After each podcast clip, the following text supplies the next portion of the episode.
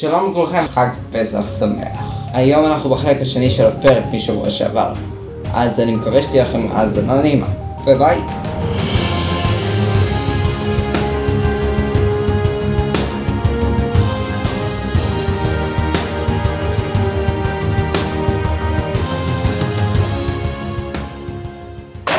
דם הוא דבר אכיל. אפשר לאפות ולבשל עם דם. באירופה הנקניקיות דם זה מאכל אהוב. למה להשתמש בדם בכלל? לא מעט ילדים אירופאים רגישים לחלבון ביצה, ולדם יש את רוב יכולות הקרישה שיש לביצה. אז למה לא? ביהדות איננו אוכלים דם. בתנ"ך יש ארבע פעמים בהן אלוהים אומר לנו לא לאכול דם, והן בויקרא ג' אלוהים אומר כי כל חלב וכל דם לא תאכלו. בויקרא ז' הוא גם אומר וכל דם לא תאכלו, כל נפש אשר תאכל דם ונקרתה הנפש ההוא מעמיה. בויקרא י"ז אלוהים חוזר על דבריו שנית במשפט על כן אמרתי לבני ישראל כל נפש מכם לא תאכל דם. ולבסוף בדברים י"ב נאמר רק חזק לבלתי אכל הדם, כי הדם הוא הנפש, ולא תאכל הנפש עם הבשר. ולמרות זאת, במשך מאות שנים המשיכו להאשים יהודים שוב ושוב בעלילות דם. עלילת דם הינה האשמה שקרית, ולרוב גם כלפי יהודים, כלומר אנטישמית, שבה מסופר על הריגת אדם לא יהודי למען אכילת דמו. מאין הגיע הרעיון המוזר שיהודים אופים מצות עם דם של ילדים נוצרים, ולמה הוא מסרב למות?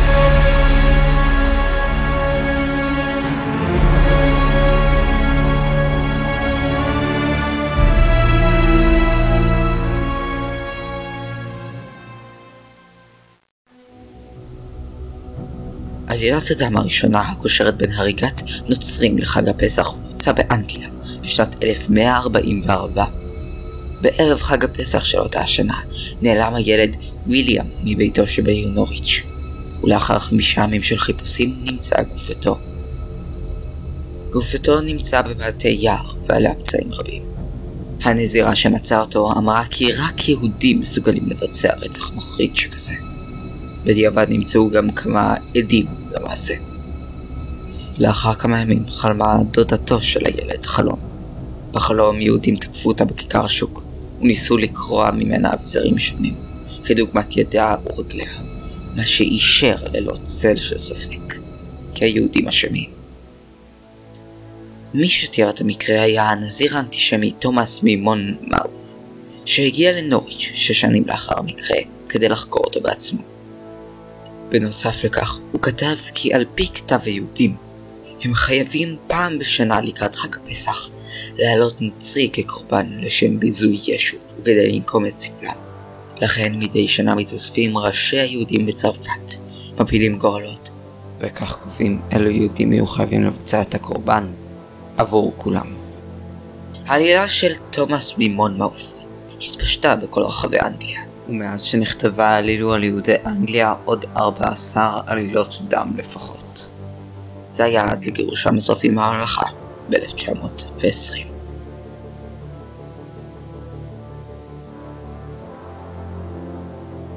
עלילת נוריץ' הייתה הראשונה שקשרה בין רצח ילדים לחג הפסח, אך היא לא הייתה עלילת הדם הראשונה שהעלילו על יהודים.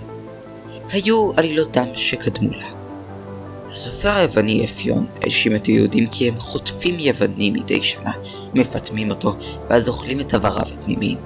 וההיסטוריון דמוקריטוס כתב כי אחת לשבע שנים תופסים היהודים אדם גוי, כולאים אותו בקודש הקודשים של בית המקדש. ואחר כך מעלים אותו כקורבן. מה שמעניין הוא שעלילות הדם לא תמיד כוונו נגד היהודים, אלא גם כנגד נוצרים. הרומאים, לדוגמה, טענו כי טקס הכניסה לדת הנוצרית כלל אכילת תינוקות. הם אמרו כי, ואני מצטט, כפי שידוע, אתם לוקחים עולל צעיר, מכסים אותו במזון, ומניחים אותו על השולחן בשעת הארוחה. הנוצרים כמובן דחו את טענות אלו בזעזוע. אך הרומאים לא ממש השתכנעו, אולי בגלל טקס ההוכריסטיה הנוצרי. טקס שנקרא בלועזית גם מיסה. הינו טקס בו כהן הדת מברך על לחם ועל יין, ואומר הלחם הזה זהה עם בשרו של ישוע, והיין הזה זהה עם דמו. אז מה הם אוכלים? הם לא סתם אוכלים בשר ודם, זה יהיה קל מדי.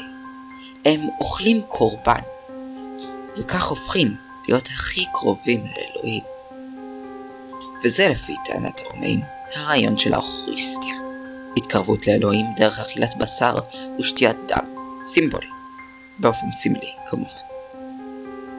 אותם האשמות מופרכות שהפנו כלפי הנוצרים באלף הראשון, שימשו אותם עצמם בעלילות כנגד היהודים באלף השני.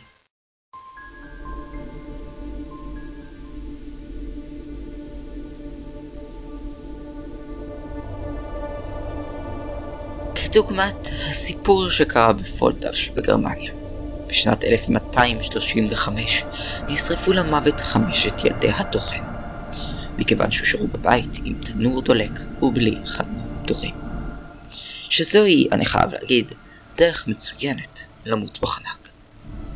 אך התוכן ואשתו לא האמינו שמדובר בתאונה, והאשימו את יהודי העיר ברצח. שני יהודים נתפסו, נחקרו בעינויים, ולבסוף, כנראה בגלל שלא יכלו יותר לסבול את העינויים הקשים, הודו כי רצחו את הילדים כדי, ושוב פעם אני מצטט, להכין מדמם מצות. במטרה לנקום טבחו בני העיר בכ-32 יהודים נוספים. והעלילה יצרה גל פרעות ביהודי גרמניה. וגם יהודים בעיירות הסמוכות לפולדה נרצחו. אבל למה דווקא בפסח?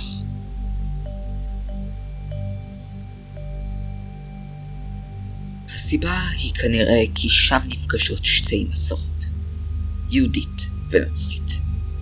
על פי הנצרות המקובלת, הסעודה האחרונה של ישו הייתה בליל הסדר, וביום שלמחרת הוא הוצלב, לאחר שהסגיר אותו יהודה, איש קריות. ולבסוף, טקס האוכריסטיה מתקיים גם בחג הפסחה, וממש באותו הזמן, גם ליהודים יש טקסים משלהם. בין טקסים הללו תוכלו למצוא טקסים של שריפת לחם ושתיית יין אדום. ובנוסף, הטפת יין שנמשל לדם בליווי האמירה שאלוהים ישפוך את חמתו על הגויים. לנוצרים היה קל לקחת את הצד השני של היהודי הזר ולייחס לטקסיו הדתיים כוונות נסתרות, וכך מתפתחות עלילות הדם. מאז ימי הביניים ועד היום נפוצו מאות ואלפי עלילות שבגללן נרצחו אלפי יהודים. אך עלילות הדם לא נעצרו בימי הביניים, ואפילו לא באירופה. בדמשק, בפולין ואפילו בארצות הברית המשיכו להפיץ את עלילות הדם. היהודים כמובן, החשודים המיידיים. אך איך עלילה כל כך מופרכת וחסרת כל ראייה גרמה לנוצרים להרוג יהודים חפים מפשע במשך מאות שנים. פה החוקרים תורמים את המושג היסטריית המונים, אשר מדבר על מצב שבו קבוצה גדולה של אנשים מפתחת אמונה חזקה בשמועה מעניינת, ומגיבה בפאניקה מוגזמת.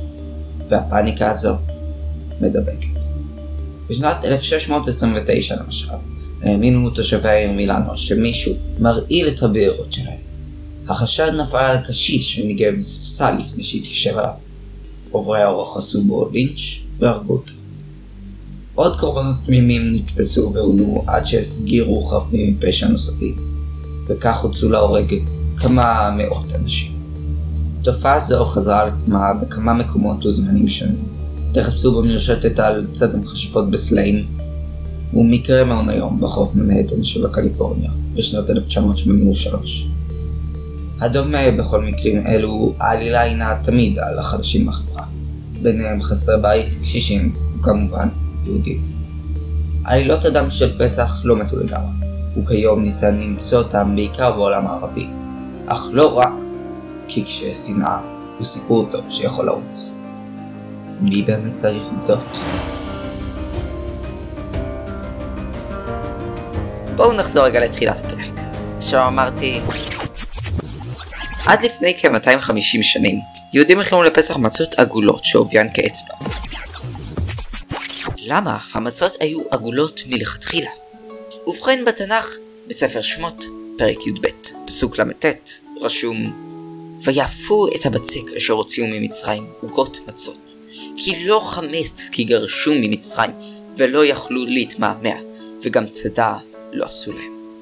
היום אנחנו חושבים על עוגה כמאפה מתוק אשר נאכל כקינוח לארוחה. אך הכוונה האמיתית של עוגה במשפט הזה היא למשהו עגול, כמו בשיר עוגה עוגה עוגה, במעגל נחוגה. ולא, זה לא שיר על עוגה, זה שיר על החוג במעגל, או לחוג בעוגה. ואם תרצו עוד הוכחה תוכלו לבדוק במילון את המילה לאו, אשר ברושה יצר מעגל, נע במעגל, חג. אבל היה פה עוד רובד, ההבדל בין עבדות לחירות. מצרים הייתה בזמן התנ"ך המעצמה החקלאית הגדולה בעולם, ארץ של עובדי אדמה. עם ישראל לעומתם היו עם של רועי צאן, של נוודים באופן יחסי. שני עולמות הפוכים לגמרי. תחשבו על זה, להיות חקלאי אומר להיות קשור לפיסת האדמה אחת, שמספקת לך את כל צרכיך. לעומת זאת, להיות רועה צאן אומר להיות אדם שנע ונד בעקבות הזדמנויות חדשות למים ואוכל, אשר מחכות לך במקומות שונים. עולמות הפוכים. העולמות הללו הרבה פעמים התנגשו. דמיינו לעצמכם שעכשיו יש איזו שנת בצורת, ורועי הצאן עולים עם העדרים על היבול שלכם, ויכולים בתוך ימים להשמיד יבול של שנה שלמה. ולכן תמיד היה מתח גדול בין שתי הקבוצות הללו. ויותר מזה, הלחם היה הסמל העתיק של מצרים, מקור גאוותה.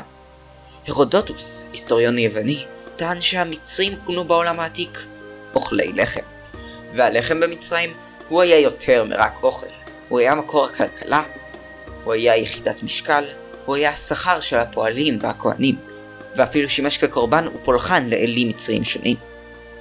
לעומת זאת, את הלחם של העבריים, שלנו, רועי הצאן, המצרים ממש לא סבלו.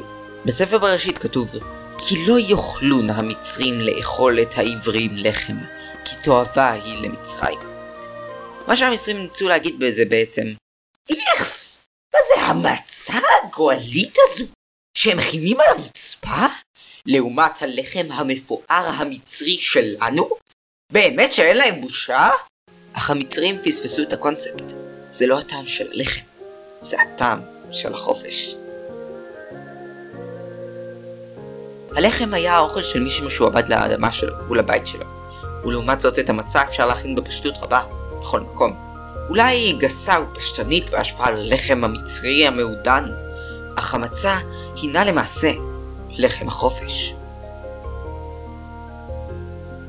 אך כאן נגמר סיפור המצה. אך לא לגמרי, ולעוד מידע אתם יכולים לחקור את המרשתת. אבל עד לפה, אני הייתי שקד, וחג פסח שמח וכשר.